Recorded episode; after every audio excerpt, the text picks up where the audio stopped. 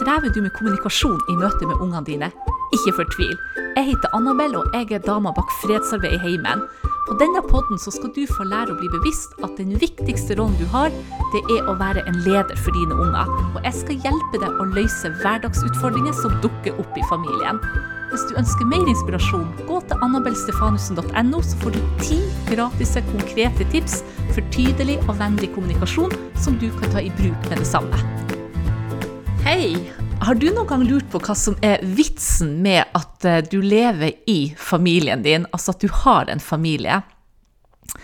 Jeg har eh, tenkt, jeg er en grubler og en som filosofisk anlagt, og som bruker å lure på eh, mange, mange ting. Og av og til når jeg har strevd mye med å være mamma, og ikke minst å være kone, så har jeg mange ganger tenkt, hva er nå egentlig vitsen med at, at jeg er gift, og hva er vitsen med at vi bor sammen, og at vi har denne familien?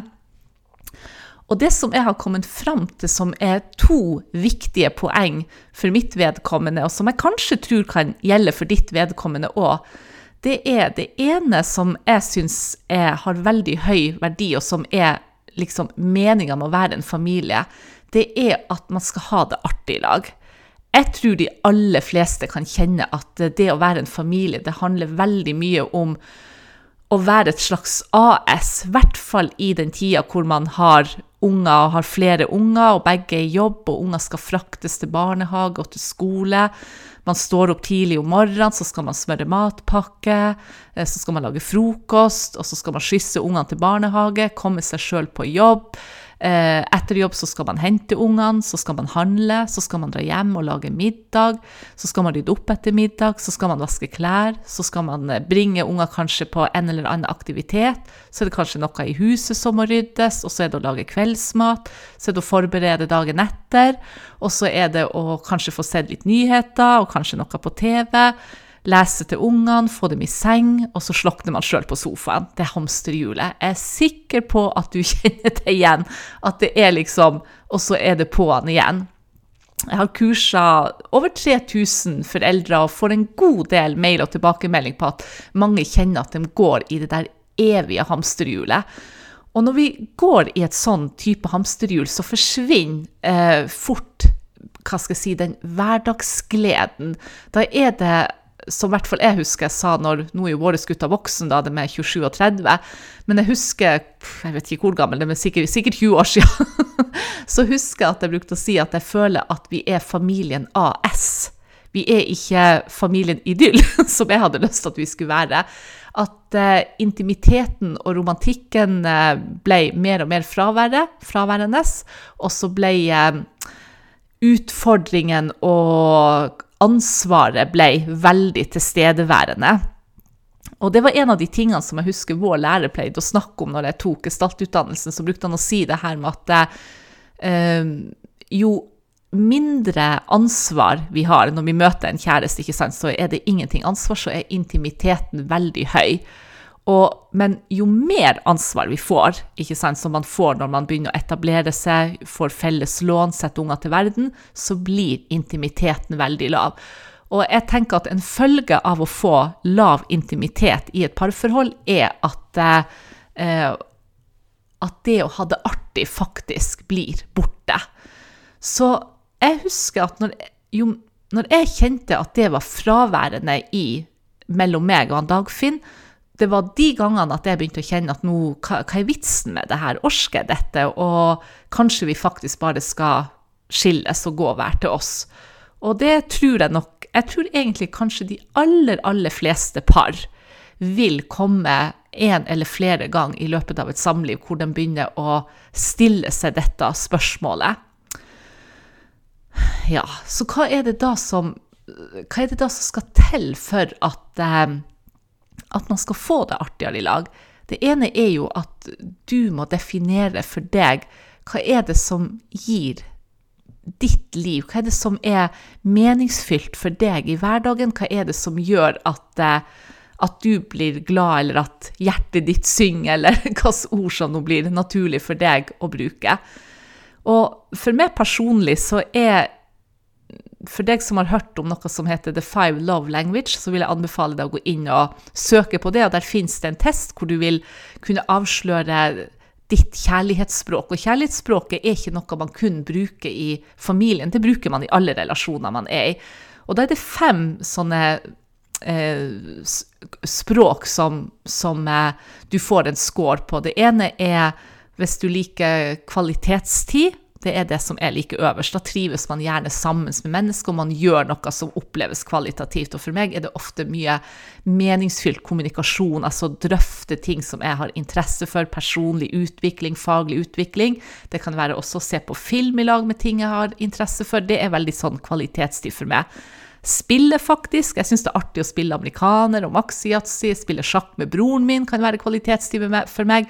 Så det å, å, danse, ikke minst, det er kjempekvalitetstid for meg. Så det å finne hva er det som eh, er artig for deg å gjøre hvis at du skulle ha kvalitetstid øverst. Det andre kan være eh, da, Nå er jeg nok inne på det her med de fem kjærlighetsspråkene. Så kan det være at du har eh, eh, det å gi og motta tilbakemelding, at det er noe som gjør at du føler deg bekrefta.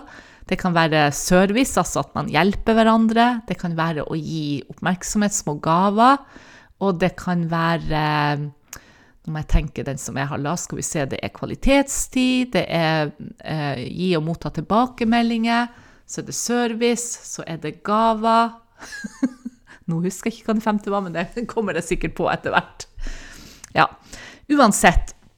Det som jeg tenker er en av de tingene som er meninga med å være familie, det er som sagt det å ha det artig i lag. Så må man jo finne ut sammen om at jeg tenker det er viktig at man skaper, altså finner ut noe som hele familien kan synes er artig i lag. Hvis ikke så blir man jo bare hele tida operere hver for seg. Men det er også viktig. Det er også viktig at du som mamma eller pappa finner ut hva er det som gir masse påfyll og gjør at du har det artig. For min mann så er det fisketur og vandre på fjellet. Det er ting som jeg har null interesse for. Så hvis han virkelig, virkelig skal kose seg, så drar han ei uke hver sommer på Finnmarksvidda med kompisene sine. Eller bare går på fjellet eller drar til et vann og står og fisker. Og det er ikke min interesse, så hvis han har meg med, så er det ingen av oss som vil ha det artig i lag. Mens for meg så handler det mye om venninner eller drive med gå på kurs, f.eks., som har med det jeg jobber med, utvikle meg personlig og faglig. Da har jeg det skikkelig artig i dag. Men det andre som jeg òg har tenkt mer og mer på, som jeg syns gir høy verdi inn i en familie, det er at når en i familien strever eller går gjennom vanskelig periode i sitt liv, så tenker jeg at meninga med å være en familie er at vi skal være der for hverandre. Da skal familien trå til, en av oss eller flere, og så skal vi støtte og hjelpe den som har det vanskelig, til den personen på en måte kommer ut av denne situasjonen. Og det er noe som jeg har spesielt snakka med våre to sønner om når de har gått gjennom vanskelige perioder i livet sitt. Og så ser jeg at de gjør det som jeg tror igjen at mange av oss gjør, som sikkert også jeg gjør, og kanskje du òg gjør som forelder, det er at man gjerne trekker seg litt tilbake, at man kan kjenne at det er sårt, eller at det kan være skamfullt å innrømme at nå står jeg i en situasjon som jeg ikke mestrer, eller jeg klarer ikke å ta valg, eller jeg vet ikke hva jeg vil, eller Ja, det, altså på et eller annet område så, så, strever jeg i livet mitt. Jeg mestrer ikke ei utdanning, jeg mestrer ikke en jobb, jeg mestrer ikke et parforhold, jeg mestrer ikke Altså hva det enn måtte være. At man begynner å kjenne tap av mestring, eh, og som også da kan Som selvsagt også ofte da gir tap av, av glede. Og når vi begynner å skjule det og skal holde dette for oss sjøl, så tenker jeg at uh, man også kan gå inn i en veldig sånn ensomhetsfølelse og liten verdifølelse. Og da tenker jeg at når Hvis de andre i familien fanger dette opp, så tenker jeg at det er ikke den ene og alene som står i den vanskelige situasjonen, sin oppgave å formidle dette til til, til, de i familien, men at det er de andre i familien sin oppgave å tre støttende til. Så for jeg tenker hvis, som jeg sa til våre sønner, både til dem to i lag og til hver og en av dem, for de har begge gått gjennom vanskelige perioder i livet sitt, så har jeg sagt at hvis du skal fikse dette helt alene, for han ene han sa en gang jeg har ikke lyst til liksom å være til bry, og dere styrer noe med business, har mye å gjøre der, og den andre broren styrer med sine ting, ikke sant, så måtte jeg si at Så sa jeg akkurat det som jeg sier til deg som lytter nå, at det er jo nettopp derfor vi er en familie. Det er jo for at vi skal ha et nettverk og et støtteapparat i ryggen. Og jeg tenker det trenger heller ikke kun å være foreldre og søsken. Som jeg sa til mine gutter, så i mitt tilfelle så kan jeg bruke mor mi, jeg kan bruke dere som sønner, jeg har en bror som jeg er veldig nært knytta til, og som jeg sa til dem, dere kan bruke oss som foreldre, dere kan bruke hverandre som brødre, dere kan ringe onkler eller tanter som dere eventuelt har en god relasjon til, besteforeldre, selvsagt og venner, ikke sant? Men at det er så utrolig viktig at man bruker tid på å snakke om disse tingene, at man ufarliggjør og ikke minst alminneliggjør det med å ha det vanskelig og streve, at det er like vanlig som det motsatte, som er å mestre og få det til å være vellykka.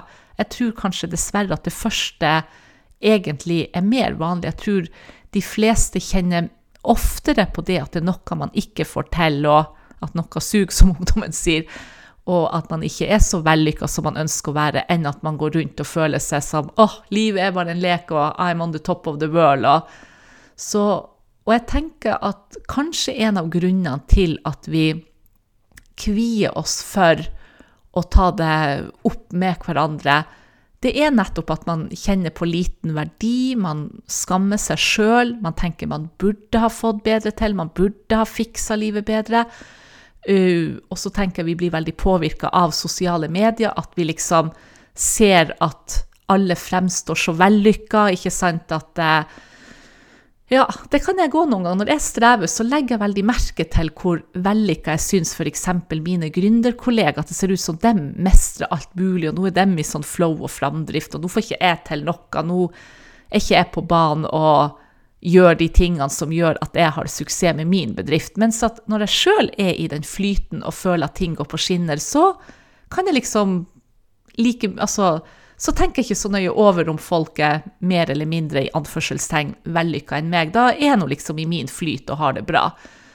Så jeg skulle ønske at vi som foreldre kunne våge, for jeg kan kjenne på at det har krevd litt mot også å snakke med sønnene våre. Så det er jo kanskje nettopp når de har strevd, at jeg, at jeg har våga å nærme meg å snakke. Og så er man redd for å trø i salaten eller gjøre noe som gjør det vanskeligere, eller kanskje føle at man trør dem for nært på et vis. Eh, men som jeg har sagt til dem, så har jeg sagt akkurat som jeg sier det til deg som hører på nå, at jeg kjenner meg på litt sånn gyngende grunn. og Jeg blir kanskje å begynne å gråte, har jeg sagt, men det går helt fint for meg. Jeg er ei følsom mamma, men jeg har så uendelig lyst at vi skal ha den tilliten til hverandre at det er nettopp i de periodene hvor livet vårt Livet ditt, ikke sant, jeg har sagt det deres, livet ditt eh, er strevsomt og du har det vanskelig. Det er jo nettopp i de periodene jeg har så inderlig ønske om at vi skal ha den tilliten at nå må jeg ringe mamma eller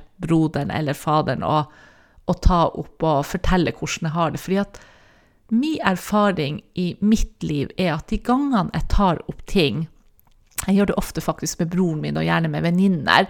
Så ser jeg at eh, de gangene jeg tar opp at noe er skikkelig kjipt, så ser jeg det her som man også hører at flere hjerner tenker klarere og bedre enn én hjerne. At når jeg da snakker med folk som er glad i meg og bryr seg om meg, og får deres innspill på det jeg står i, så mange ganger så føler jeg meg mye, mye bedre til mote.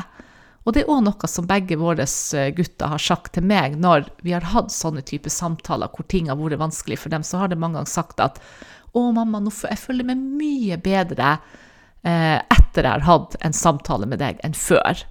Og jeg tror jo at det er det vi alle foreldre innerst inne ønsker. Det er jo nettopp når barna våre eller tenåringene våre strever, at de skal kunne komme til oss og kjenne at det var bedre etter en samtale enn før.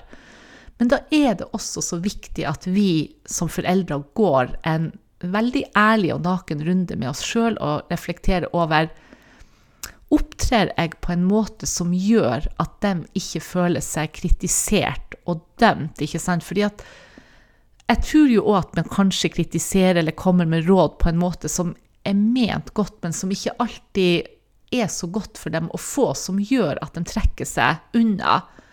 Og empati er for meg en målestokk på om du klarer å sette deg i deres ståsted og tenke hvordan er det for meg de gangene jeg har strevd, og hvis noen da kommer med tilbakemeldinger hvor du kjenner liksom at, eh, at du bare kanskje får Ja, jeg vet at det er kjipt, men sånn er nå livet, du må prøve å ta det sammen. Det kan være hvis at de strever på skolen eller strever med en jobb, at man lett kan komme med den der at jeg vet at det er litt kjipt akkurat nå, men sånn er livet. Livet byr på utfordringer, og du vil stå overfor fag du ikke liker, og du vil av og til måtte ta jobber der du ikke trives 100 eller har oppgaver du ikke liker så godt og kanskje ikke føler du mestrer så godt, men da er det noe med å bare stå og løpe ut, skjønner du.